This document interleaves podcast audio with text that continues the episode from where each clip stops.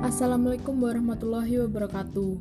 Perkenalkan nama saya Alda Putrindika Suraya, kelas 11 PS1 absen 2. Di sini saya akan membacakan teks eksplanasi yang berjudul Tren positif COVID di Jawa Timur terus meningkat.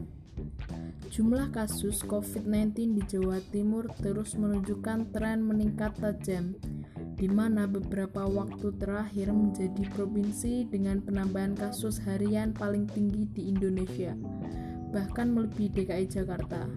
Kota Surabaya menjadi penyumbang terbanyak di Provinsi Jawa Timur. Penyebab lonjakan kasus COVID-19 di Jawa Timur yakni mulai pasifnya rapid test dan swab PCR. Faktor kedua Lonjakan kasus ini juga diakibatkan karena rendahnya tingkat kepatuhan masyarakat atas PSBB. Masih banyak aktivitas di pasar tradisional, dan banyak juga yang mengabaikan protokol kesehatan, tidak memakai masker, tidak ada jaga jarak, dan minimnya tempat cuci tangan. Strategi yang dilakukan pemerintah adalah gerakan memakai masker untuk semua saat berada di ruang publik atau di luar rumah.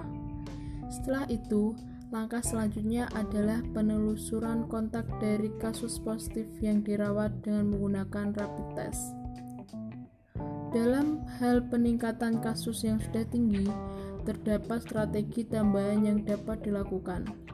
Testing, tracing, isolasi, PSBB. Sementara itu, masyarakat dapat menumbuhkan kesadaran untuk tetap tinggal di rumah. Terima kasih. thank you